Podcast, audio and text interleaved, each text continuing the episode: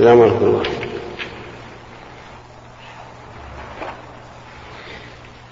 أستغفر الله وأتوب إليه. بسم الله الرحمن الرحيم.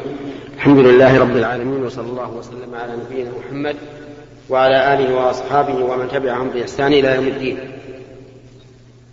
أما بعد فهذه هذا هو اللقاء السابع. يعبر عنه الخميس من كل أسبوع. وهذا الخميس هو اليوم السادس عشر من شهر شعبان عام سبعة عشر وأربعمائة وألف. ونظرا لأنه لم يبقى علينا إلا لقاء واحد بعد هذا اللقاء فإننا نرى أن يكون كلامنا هذا اللقاء فيما يتعلق بشهر رمضان ونتممه إن شاء الله في اللقاء الثاني. نقول إن شهر رمضان فيه ثلاث عبادات مشروعات. فيه ثلاث عبادات مشروعة الأول الصيام وهو أعظمها. والثاني القيام والثالث الاعتكاف.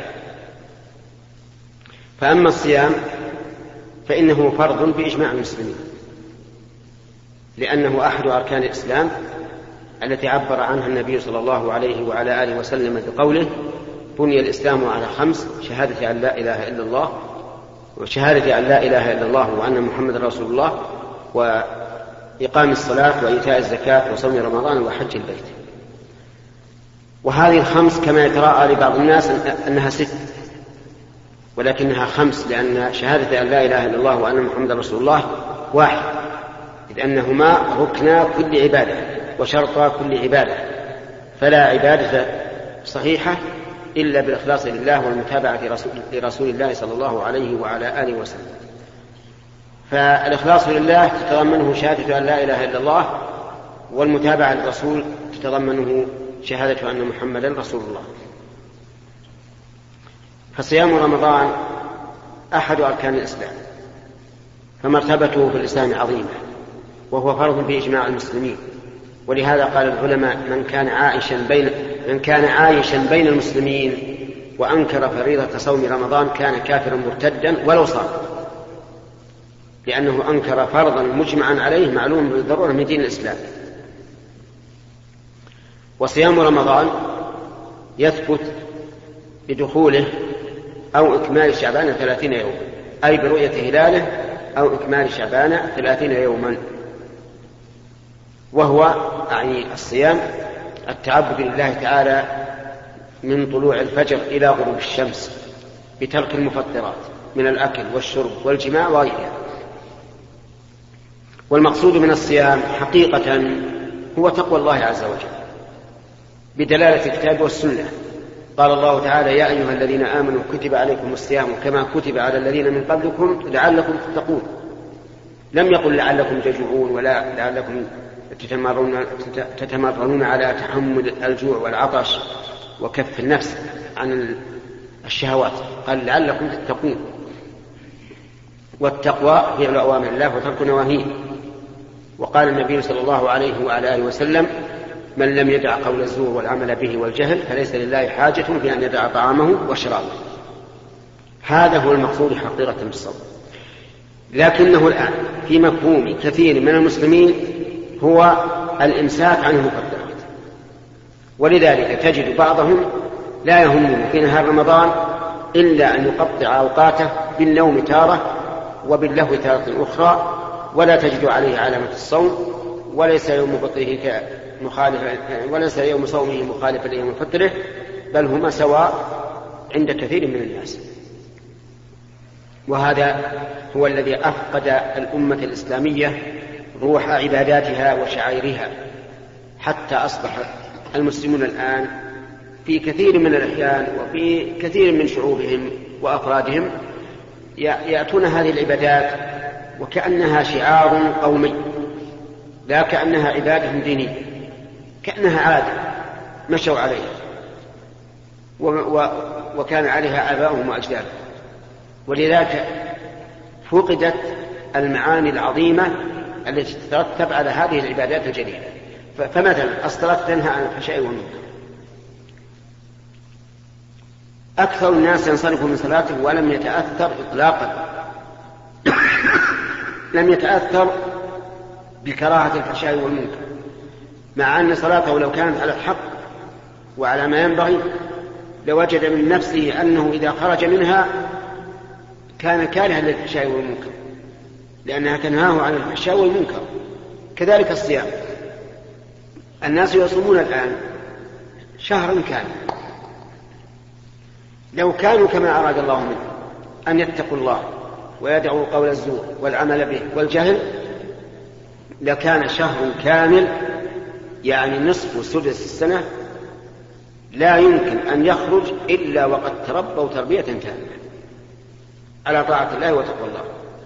لكن من منا إذا خرج رمضان وجد من نفسه استقامة وحسن عمل أكثر مما كان في شعبان. أكثر الناس إذا انتهى رمضان فرحوا فرح شهوة بانتهاء الصوم. فكأنهم فرحوا بخروجه ولم يفرحوا بالخروج من ذنوبهم.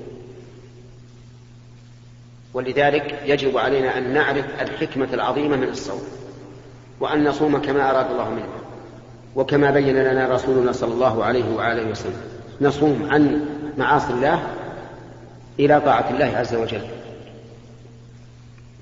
الصوم كما ذكرنا لكم هو التعبد لله بالإمساك عن المفطرات من إيش؟ من طلوع الفجر إلى غروب الشمس. هذا هو الصوم لا بد أن تلاحظ أنك في عبادة. مقدمات الصوم ومؤخراته من العبادات. فالصح فالسحور مثلا من العبادات. لأن النبي صلى الله عليه وعلى آله وسلم أمر به. فقال تسحروا. وبين أن في تسحرنا مخالفة لليهود والنصارى حيث قال فصل ما بين صيامنا وصيامنا الكتاب أكل السحور ثم إن نبينا وإمامنا محمدا صلى الله عليه وسلم كان يتسحر ويتسحر مع الصحابة. كما قال زيد بن ثابت تسحرنا مع الرسول صلى الله عليه وعلى آله وسلم ثم قمنا إلى الصلاة. فإذا نقصد بسحورنا. أولا للأخ أولا. امتثال أمر الرسول عليه الصلاة والسلام. هذا واحد. ثانيا مخالفة اليهود والنصارى. ثالثا لا. الاقتداء برسول الله صلى الله عليه وسلم لأني قلت لكم أن الرسول كان يتسحر ويتسحر المسلمون معه. فهذه ثلاثة أشياء كلها عبادة. ثم إننا نقول أيضا الرسول عليه الصلاة والسلام قال إن في السحور بركة. أين البركة؟ البركة كله بركة. عبادة اقتداء بالرسول مخالفة لأصحاب الجحيم عون على الصوم إعطاء للنفوس حظها حيث أنها ستقبل على وقت تمسك فيه فتنال حظها من هذا الأكل والشرب لتتقوى به على طاعة الله عز وجل. هذه مقدمة الصوم في المؤخر الذي يلحق الصوم الفطر. أمر النبي صلى الله عليه وسلم بل حث النبي صلى الله عليه وسلم على التعجل بالإفطار. فقال لا يزال الناس بخير ما عجلوا الفطر. لكن بعد بعد تيقن غروب الشمس أو غلبة الظن في غروبها إذا لم يمكن اليقين. إذا السحور عبادة والفطور عبادة. وليكن على تمر فإن لم يجد فعلى ماء أول التمر الأفضل منه الرطب ثم التمر غير الرطب ثم الماء إذا لم يجد. فضلا عما يقع في الصيام من الصبر الذي قال الله فيه إنما يوفي الصابرون أجرهم بغير حساب. الصيام فيه صبر على طاعة الله وصبر عن معصية الله. وصبر على أقدار الله. صبر على طاعة الله لأن الإنسان يتحمل الصوم ويصبر عليه ويكف نفسه وبذلك يكون صابرا عن معصية الله. الصوم يلحق الإنسان فيه جوع وعطش وهبوط نفس وكسل ولا سيما في الأيام الطويلة الحاضرة. فتجتمع فيه أنواع الصبر. ولهذا جاء في الحديث تسمية شهر رمضان بشهر الصبر. لأن فيه أنواع الصبر الثلاثة فهو خير. ثم إن الواجب علينا أن نفكر. إذا كان الله تعالى نهانا عن شهواتنا الجسدية البدنية من أكل وشرب وجماع فلننهى أنفسنا عن الشهوات المعنوية. كثير من الناس نسأل الله العافية يشتهي المعاصي يشتهي الكذب الغيبة السب الشتم. فهل من المعقول أن الله سبحانه وتعالى ينهانا عن الشهوات الجسدية؟ ثم نبيح لأنفسنا الشهوات المعنوية؟ الجواب لا. أبدا ليس من الحكمة. ولهذا نقول إن المعاصي كترك صلاة الجماعة مثلا لمن تجب عليه وكالغش والكذب والغيبة والما أشبهها إنها تنقص الصوم. حتى لو فرضنا الإنسان من حين صام إلى أن أفطر وهو في المسجد يقرأ ويصلي ويسبح ويهلل ولكنه يفعل هذه المعاصي فإنها سوف تنقص الصوم. لا شك في هذا لأنه لم يأتي بالحكمة التي من أجلها إيش؟ شرع الصوم. إن الرسول عليه الصلاة والسلام قال الصوم جنة. جنة يعني وقاية يتقي به الإنسان معصية الله عز وجل. فإذا كان يوم صوم أحدكم فلا يرفث ولا يسخط يعني لا يفعل الإثم ولا يسخط بالكلام. وإن امرؤ قاتله أو شاتمه فليقل إني امرؤ صائم. أرشده النبي عليه الصلاة والسلام إلى أن لا ينتصر لنفسه بل يقول إني امرؤ صائم. فلو أن أحد سبك وقال لك يا حمار يا كلب أنت بريء أنت فيك كذا وكذا وأنت صائم لا ترد عليه. مع أنك لو رددت عليه لكان جائزا وجزاء سيئة سيئة مثلها. لكن في الصيام لا. لا ترد عليه ولكن لا تظهر بمظهر العاجز عن مقابلته وقل إني صائم. وفي قولك إني صائم فائدتان. الفائدة الأولى توبيخ. والفائدة الثانية أن أنك أن بك قدرة على على الرد عليه ومقابلته لكن يمنعك الصيام. كل هذا يدل على أن الصوم ليس حبس النفس عن شهواتها الجسدية بل هو لمعنى أعمق وأبلغ وأتم.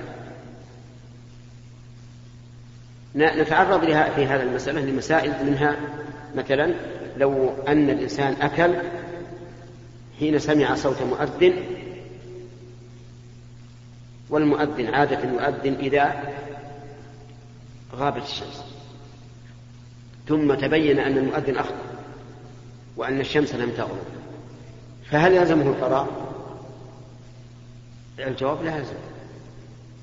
ليس عليه قضاء لكن إذا رأى الشمس يجب أن يمسك. حتى اللي في, في فمه يجب أن يرفضه. لكن ما كان قبل أن يعلم فإنه لا شيء. الدليل قول الله تبارك وتعالى ربنا لا تؤاخذنا إن نسينا أو أخطأنا. وهذا خطأ. لكن بغير قصد. فقال الله تعالى في الآية الكريمة قد فعلت. ثم إن الصحابة رضي الله عنهم في عهد نبيهم عليه الصلاة والسلام أفطروا في يوم غيره ظنا منهم أن الشمس قد غربت ثم طلعت الشمس. ولم يقل لهم الرسول عليه الصلاة والسلام اقضوا يوما مكانا. ولو كان القضاء واجبا لأمرهم به ولو أمرهم به لنقل إلينا لأنه إذا أمر به كان من الشريعة والشريعة لا يمكن أن يترك منها شيء. لا بد أن تنقل. طيب رجل آخر نسي أنه صائم فأكل أو شرب. ماذا نقول له؟ عليه قضاء؟ ليس عليه قضاء. لكن متى ذكر؟ وقع. متى ذكر؟ توقف وجوبا.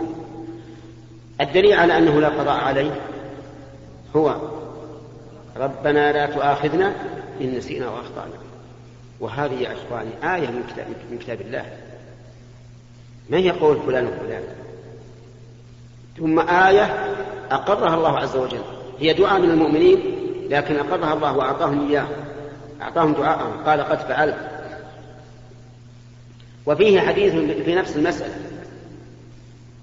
قال النبي صلى الله عليه وعلى آله وسلم من نسي وهو صائم فأكل أو شرب. فليتم صومه فإنما أطعمه الله وسقاه. فلم ينسب الفعل إليه بل نسبه إلى الله لأنه بغير قصد. إذن كل من أكل أو شرب وهو صائم ناسيا أو جاهلا أجب يا أخي. ليس عليه شيء عندك دليل على هذا؟ طيب الدليل من في نفس المسألة. من نسي وهو صائم. هذا النسيان الجهل. لا لأن ربنا لا تؤاخذنا إن نسينا هذا عام. فنريد شيء خاص في الصوم. لأجل ما يبقى لأحد الحجة. من يعرف؟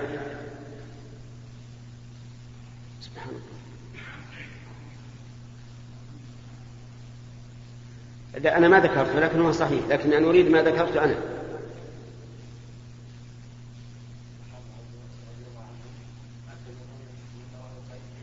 في عهد النبي صلى الله عليه وسلم.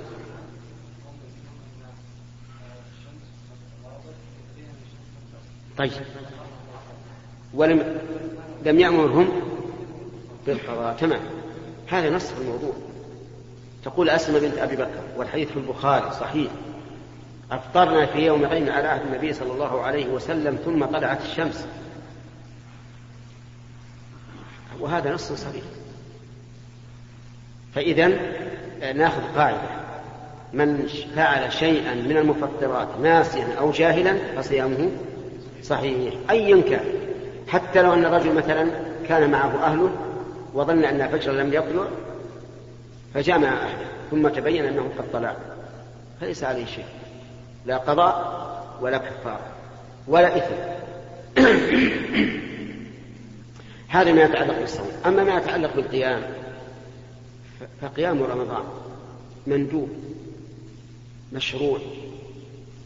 قال فيه النبي صلى الله عليه وعلى آله وسلم من قام رمضان إيمانا واحتسابا غفر له ما تقدم من ذنبه. وينبغي أن يكون جماعة في المساجد. لأن النبي صلى الله عليه وسلم صلى باصحابه ثلاث ليال أو أربع ليال ثم تأخر وقال إني خشيت أن تفرض عليكم. ويكون بإحدى عشرة ركعة أو بثلاث عشرة ركعة. هذا هو الأفضل. لأن هذا هو الذي كان عليه الرسول صلى الله عليه وسلم. فقد سئلت أم المؤمنين عائشة رضي الله عنها كيف كانت صلاة النبي صلى الله عليه وسلم في رمضان؟ قالت ما كان يزيد في رمضان ولا غيره على إحدى عشرة ركعة. يصلي أربعا عليك بأذن جارك. أذن جارك طلع شدة. شد أذن هذه أبرمها إيه.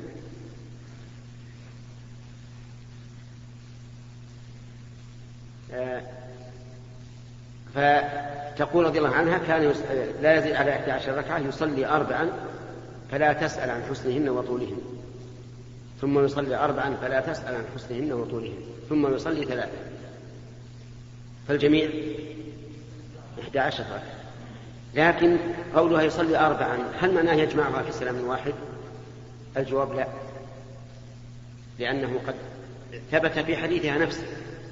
أنه كان يصلي ركعتين ثم ركعتين ثم ركعتين ثم ركعتين ثم ركعتين ثم ركعتين ثم يوتر بواحد وعلى هذا فيكون قولها يصلي أربعا أي يجمعها ثم يستريح. ولهذا أتت بثم الدالة على التراخي. خلافا لما توهمه بعض الناس من أنه يصلي أربعا جميعا وأربعا جميعا وثلاثا جميعا. وهذا خطأ في الفهم. سببه أن بعض الناس ينظر إلى النصوص من بعين أعور من جانب دون آخر. ما يجمع بين النصوص يجمع أطراف النصوص يعرف يحمل هذا على هذا. فظنوا أنها أربع مقرونة وهذا غلط. آه، والمهم من هذا القيام أن يحرص الإنسان عليه ويصليه مع الإمام حتى ينصرف إمامه. لأن النبي صلى الله عليه وسلم قال من قام مع الإمام حتى ينصرف كتب له قيام ليلة. فضل من الله عز وجل. تبقى مع الإمام حتى ينصرف يكتب لك قيام ليلة كاملة حتى في ليالي الشتاء وحتى وأنت على فراشك لأن الصحابة قالوا لو نفلتنا بقية ليلتنا يعني لو أنك أقمت بنا بقية الليل قال إنه من قام مع الإمام حتى ينصرف كتب له قيام ليل وهذا يدل على أن الأفضل للإنسان أن يخفف على نفسه. شوية.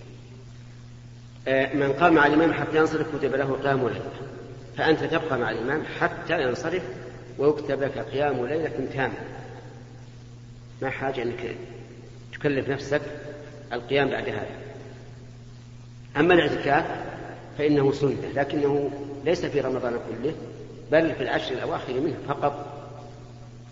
لأن المقصود بالاعتكاف لزوم المسجد لطاعة الله التعبد بلزوم المسجد لطاعة الله عز وجل.